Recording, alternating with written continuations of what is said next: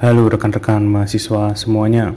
Selamat datang di kuliah daring mata kuliah Teknologi Komunikasi dan Informasi. Ini kita sudah masuk ke pertemuan ke 13. Jadi satu pertemuan sebelum pertemuan terakhir minggu depan. Setelah itu Anda akan menjalani UAS. Oke, topik uh, pada pertemuan 13 ini adalah TKI dan tata kelola pemerintahan. Nah, saya kok yakin tidak semua dari Anda itu familiar dengan tata kelola pemerintahan, ya termasuk saya ya. Tidak begitu familiar dengan tata kelola pemerintahan, tetapi saya yakin uh, satu atau lebih dari satu dari Anda ini yang sekarang uh, sedang ambil kuliah di ilmu komunikasi itu besok ketika skripsi akan mengambil topik ini. Mengapa? Satu, karena memang topik ini seksi, artinya uh, kita bisa meneliti banyak hal dari tata kelola pemerintahan dari sisi teknologi komunikasi dan informasi. Kemudian yang kedua, ada uh, dosen pembimbing yang expert, punya keahlian di situ dan punya minat di situ. Jadi uh, biasanya ketika Anda dibimbing oleh beliau uh, pilihan untuk meneliti tata kelola pemerintahan dari sisi TKI-nya ini sangat tinggi. Jadi saya yakin uh, pasti ada satu, dua atau tiga dari Anda akan meneliti itu. Oke, okay. saya mengambil artikel dari jurnal Iptekcom itu jurnal di bawahnya Kementerian Kominfo. Tahun 2019 jadi masih relatif baru judulnya adalah pengembangan konsep smart village bagi desa-desa di Indonesia. Begitu. Jadi kalau biasanya kita me mengenalnya itu smart city sekarang ada juga konsep smart village begitu. Nah ditulis oleh Dian Herdiana dari Sekolah Tinggi Ilmu Administrasi Cimahi. Begitu. Teman-teman, kalau kita mendengar kata administrasi itu sebenarnya oh, bukan administrasi yang kertas-kertas, tanda tangan atau apa itu bukan seperti itu. Administrasi itu berasal dari bahasa Prancis yang bahasa Inggrisnya adalah manajemen. Dan ketika ada ilmu administrasi negara apa atau administrasi publik itu sebenarnya yang dipelajari adalah manajemen kebijakan publik begitu. Jadi bukan ilmu administrasi surat menyurat bukan yang seperti itu. Oke. Okay. Uh, eh, ketika kita mendengar kata desa, mungkin yang langsung muncul di bayangan kita adalah yang seperti ini ya. Desa itu ya oh, sawah, gunung, pemandangan, jarang ada bangunan, kemudian tanah rumahnya yang seperti itu, kemiskinan dan sebagainya. Dan itu adalah tepat sekali yang digambarkan oleh Google. Jadi ketika saya mengetikkan kata kunci desa begitu di Google munculnya adalah gambar-gambar ini begitu. Nah, tapi apakah apakah yang dimaksud dengan uh, apa smart village itu apa? Atau desa yang cerdas itu apakah dengan mencerdaskan desa-desa ini dengan memberikan layanan internet saja? Tentu saja konsepnya lebih dari itu tapi kita lihat saja nanti. Oke. Mengapa desa? Mengapa kita perlu memperhatikan desa? Mengapa kita perlu menyinggung desa? Begitu. Pertama dari sisi ekonomi dulu ada yang mengatakan bahwa ada peneliti dari sebuah lembaga ekonomi itu mengatakan bahwa yang namanya pembangunan desa itu menjadi indikator kuat atau lemahnya perekonomian suatu daerah atau suatu negara. Begitu. Pembangunan desa ya, bukan pembangunan kota. Kalau pembangunan kota saya kira semua semua pemerintah daerah atau negara itu pasti membangun kota, tetapi bagaimana dengan desanya? Begitu. Sama lah kira-kira kira-kira sama ya. Seperti kalau kita uh, waktu itu saya pernah dikasih tahu oleh seseorang tips untuk mencari kos-kosan yang bersih. Nah tipsnya adalah anda datang ke kos-kosan itu kemudian lihat kamar mandinya. Nah kalau kamar mandinya bersih kalau kamar mandinya terawat itu berarti kos-kosannya cukup bersih begitu. Katanya begitu. Jadi uh, indikatornya atau tolak ukurnya itu adalah kamar mandinya katanya begitu.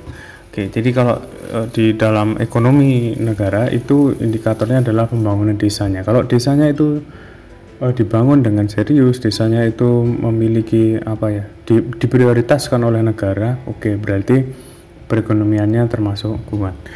Itu dari sisi perekonomian. Kemudian dari sisi politik ternyata juga sangat berpengaruh meskipun dikatakan silent majority begitu mayoritas yang apa sunyi begitu ya dan itulah mengapa waktu itu Presiden Jokowi uh, pernah bikin yang namanya nawacita gitu.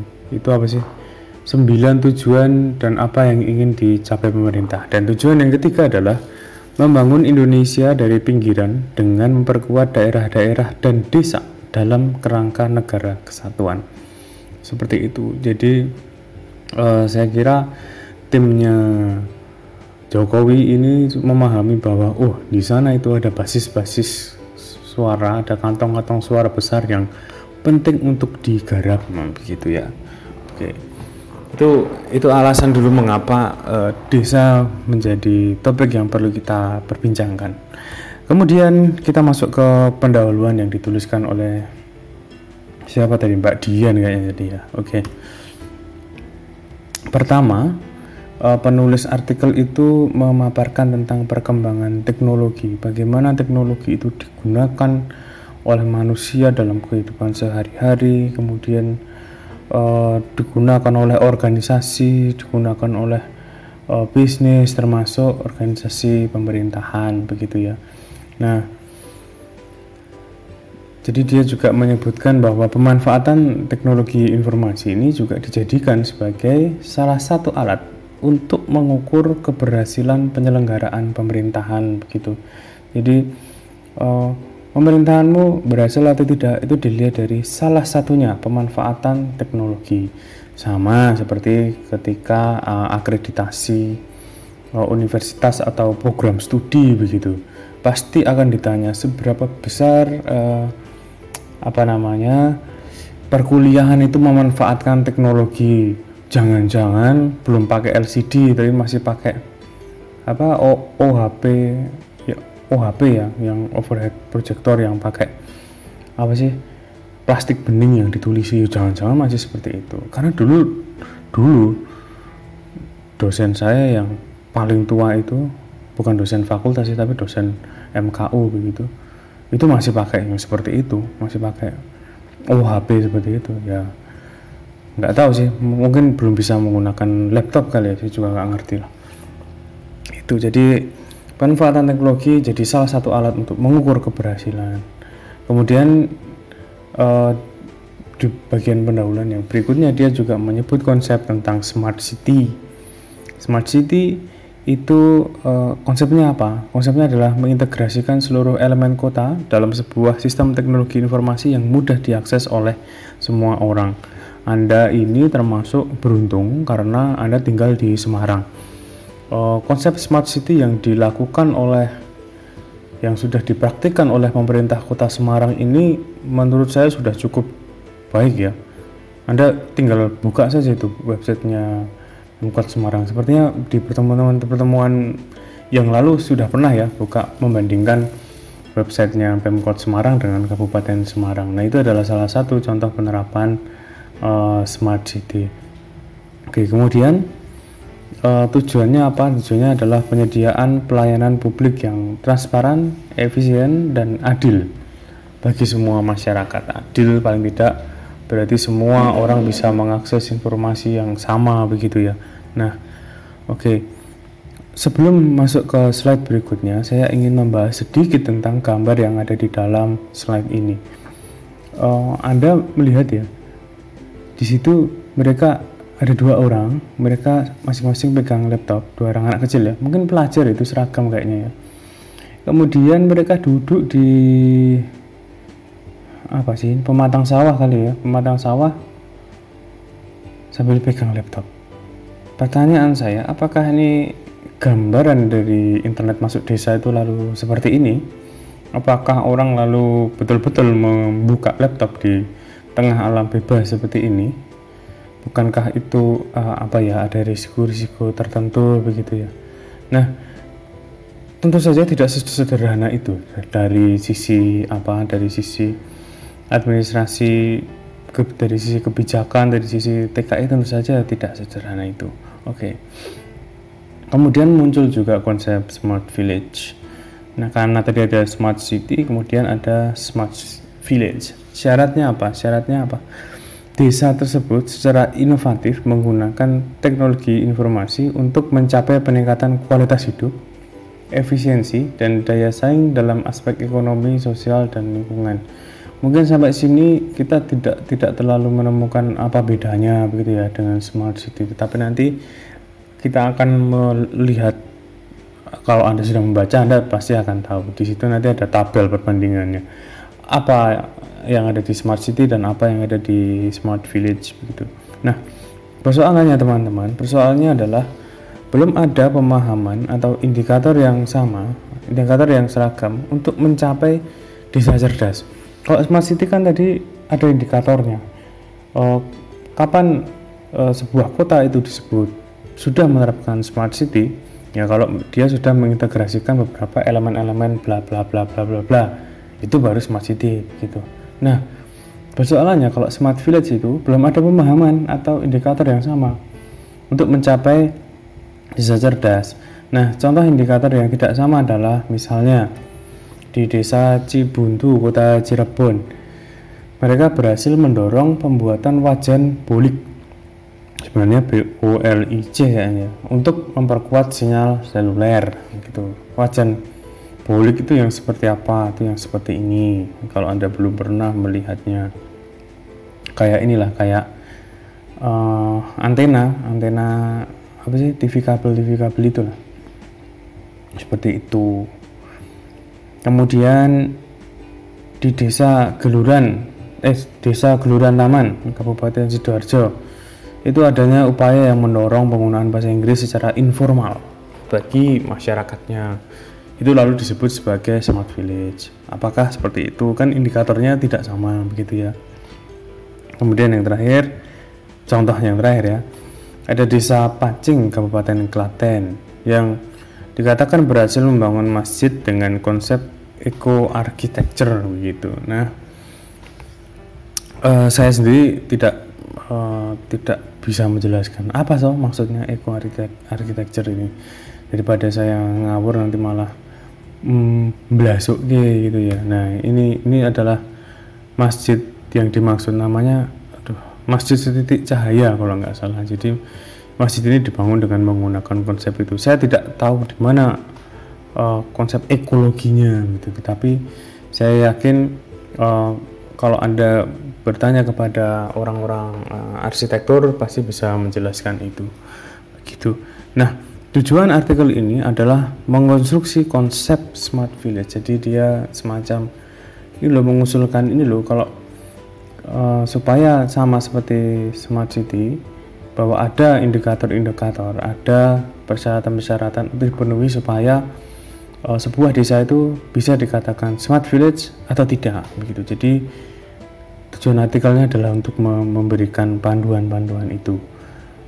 Oke, kemudian dia menggunakan metode penelitian yang namanya model building method.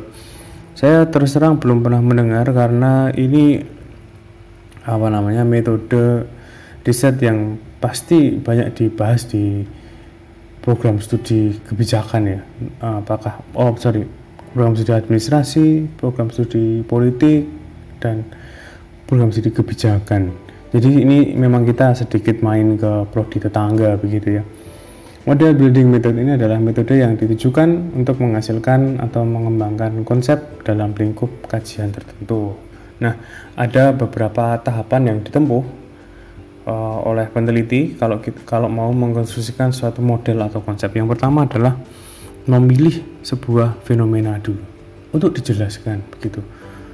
Uh, sebenarnya meskipun ini menggunakan model sorry menggunakan metode yang asing tetapi ketika kita sampai ke sini Saya kira tidak terlalu asing karena logika yang digunakan adalah logika yang sama.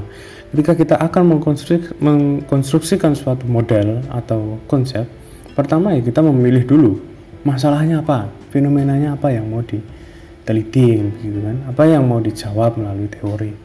Kemudian yang kedua, mengidentifikasi masalah dan e, pertanyaan supaya fokus begitu ya. Pertanyaan untuk penelitian itu gitu. Jadi sama toh ketika uh, kita mau menulis yang namanya uh, skripsi atau apa awalnya dari pendahuluan dulu dan pendahuluan itu menceritakan fenomenanya kan. Fenomenanya kemudian di bagian rumusan masalah itu kita spesifik tajam mau ngomong apa dari fenomena itu apa masalahnya apa pertanyaannya seperti itu kemudian uh, di biasanya di rumusan masalah itu kan pertanyaan besarnya ada juga yang namanya pertanyaan penelitian. Nah, itu lalu itu adalah apa e, penjabaran dari rumusan masalah berisi pertanyaan-pertanyaan-pertanyaan yang perlu dijawab dalam penelitian itu. Kemudian e, berfokus pada konstruksi teori. Teori apa yang digunakan yang bisa digunakan untuk menjelaskan? Atau justru sebaliknya kalau penelitian kualitatif kita bisa menggenerate teori teori apa dari penelitian itu? Seperti itu. Nah kita mulai masuk ke pembahasan. Konsep smart city itu memang sudah berkembang lebih dahulu dan sudah menunjukkan uh, hal yang positif tetapi konsep itu tidak bisa langsung diaplikasikan ke desa karena desa dan kota itu memiliki karakteristik yang berbeda Perbedaan karakteristik yang pertama adalah homogenitas warga. Kalau kita tinggal di kota, kita nggak usah jauh-jauh deh. Kita lihat tetangga kiri, kanan, depan, belakang kita. Saya uh, berkaca dari diri saya sendiri aja deh. Kanan saya itu pensiunan, belakang saya adalah tentara, depan saya adalah uh, mahasiswa, begitu. Kemudian depan samping saya adalah akuntan.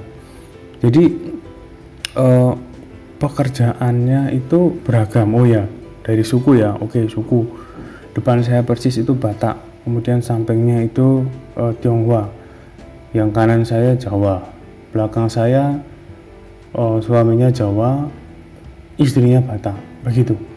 Jadi warganya itu heterogen homogen lah. Eh sorry heterogen beragam gitu. Sementara kalau kita tinggal di desa itu rata-rata rata-rata ya karakteristiknya itu sama itu homogen.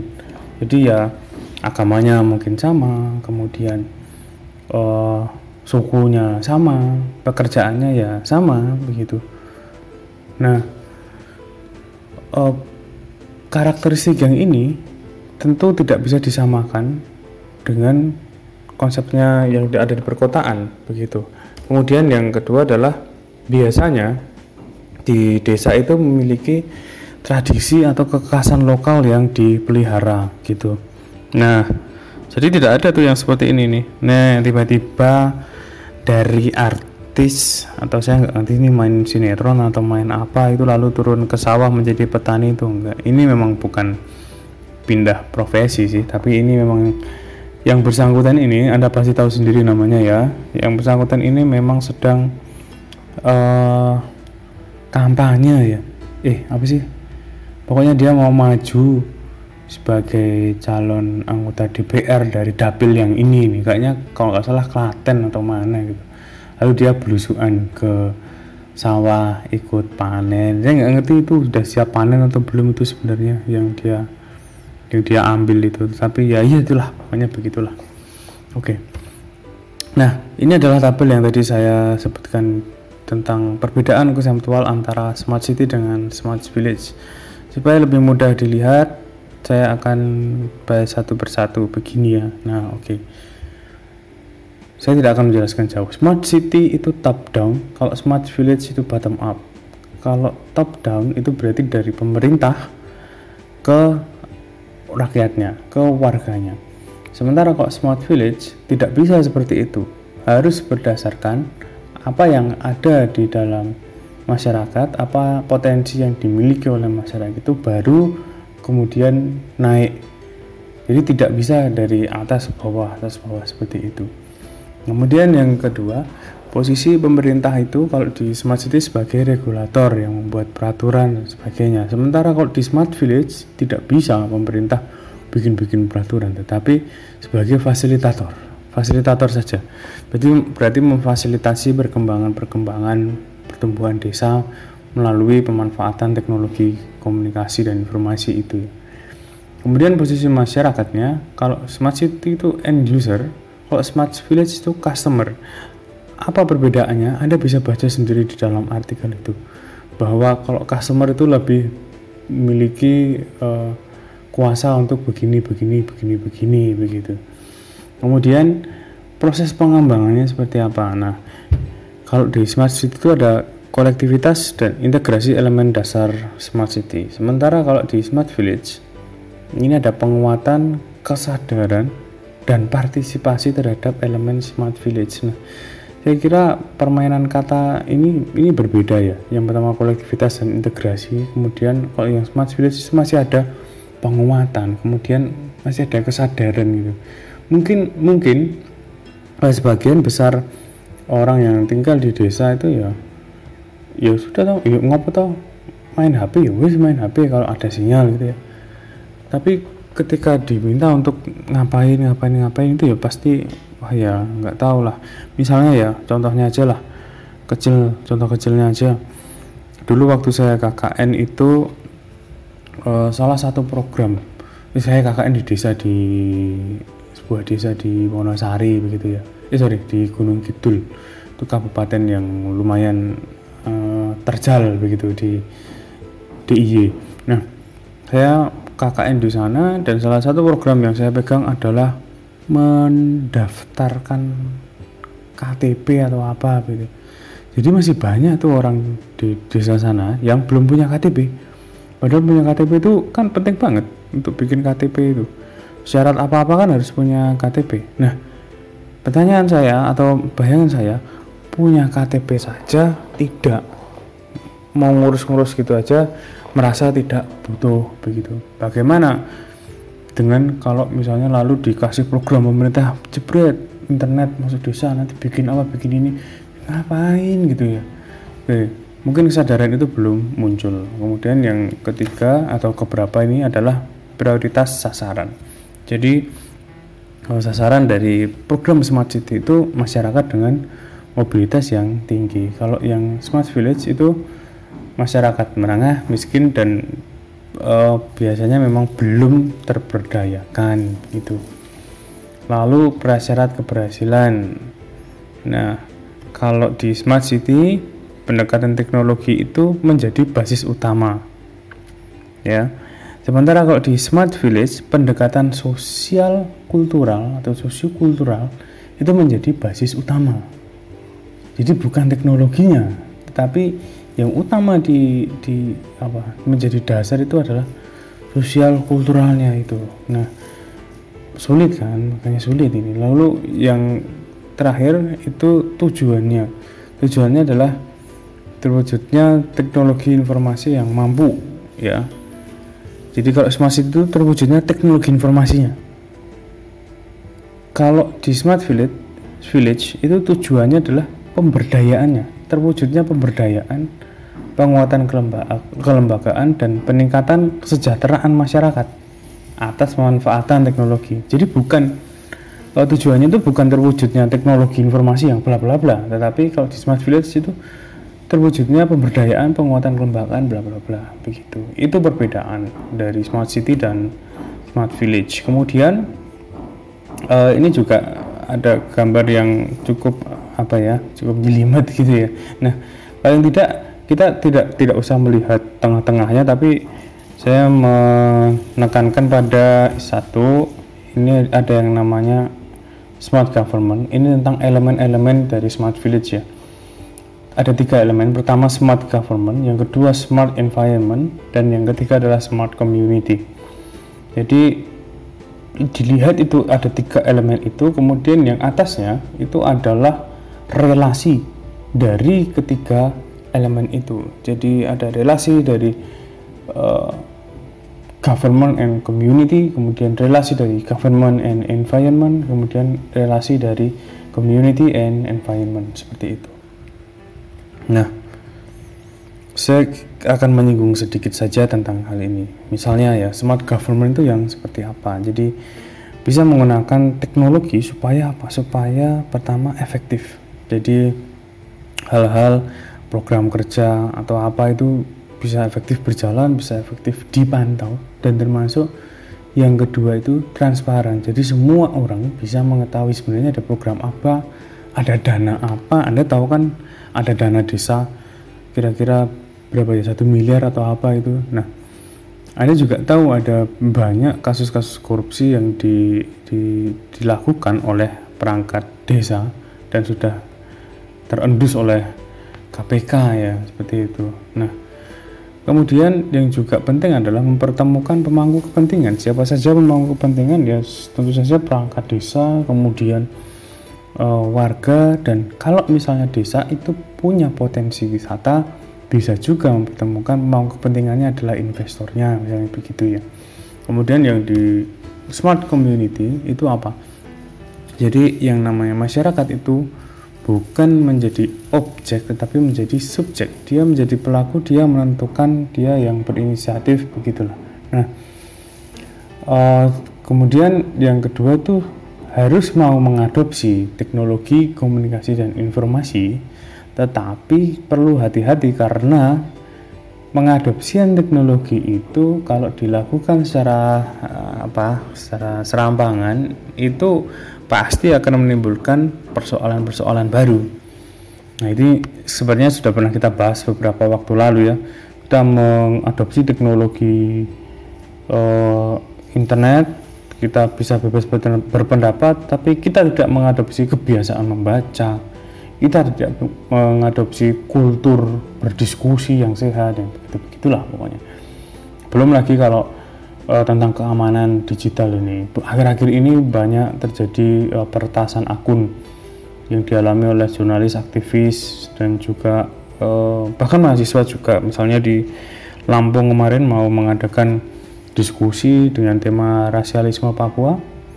Itu ada dua panitia yang uh, diretas. Yang pertama itu akun GoFood dan akun eh, sorry akun Gojek dan akun Grabnya itu diretas dan pesan kalau nggak salah sekitar 20 makanan. Jadi tiba-tiba saja dia dikontak oleh sekitar 20 ojol itu ojol. Konfirmasi pesan makanan ini bla bla bla bla. Sekitar 20 seperti itu.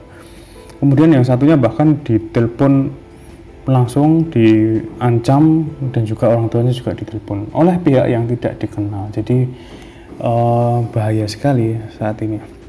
Kemudian yang environment smart environment itu yang seperti apa ketika kita bicara environment itu kita tidak hanya bicara tentang lingkungan alam saja tetapi juga dalam konteks desa adalah lingkungan budaya dan lingkungan sosial jadi Penjelasannya adalah keseluruhan elemen untuk membentuk satu tatanan sosial dan tatanan alam itu. Oke, kemudian kesimpulannya uh, ini ya. Smart Village itu dipengaruhi oleh Smart City, tetapi perlu dikonstruksikan secara berbeda. Kemudian yang kedua, Smart Village harus dipahami sebagai upaya pemberdayaan, penguatan kelembagaan, dan peningkatan kesejahteraan masyarakat. Jadi ini tujuan yang tadi itu yang di tabel itu termasuk yang tujuan tadi.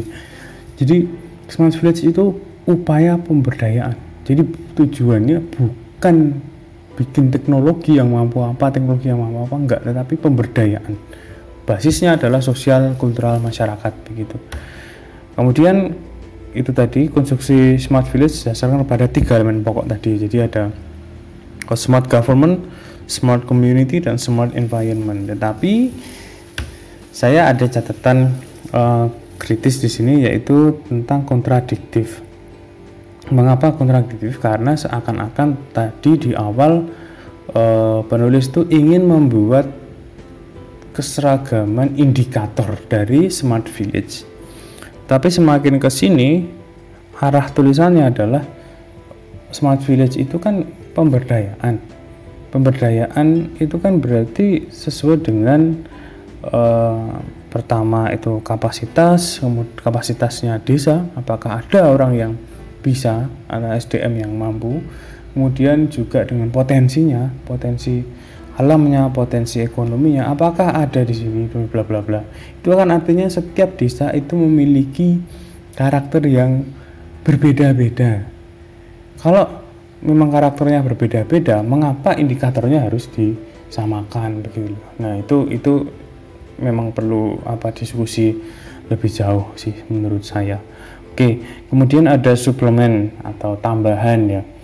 Uh, saya menemukan sesuatu yang menarik dulu waktu masih kuliah atau apa ya. Itu teman-teman ayo ke pasar papringan.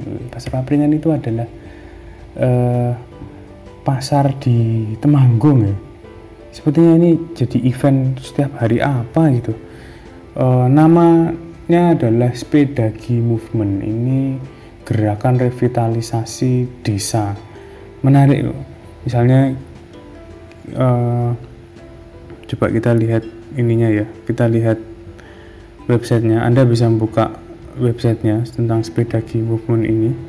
Jadi dia itu tidak kita tuh nggak perlu me, membuat komunitas kecil. Kita tidak perlu menciptakan komunitas kecil yang baru karena ada loh sudah ada komunitas kecilnya itu desa dan kita perlu merevitalisasinya gitu ya menarik ini ini sayang saya belum pernah ke sana uh, dan kemudian yang menarik juga adalah tentang ini. Kalau sekarang lagi viral ya sepedaan di mana-mana itu.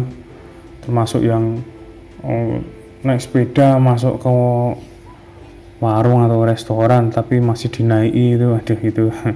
Ya begitulah.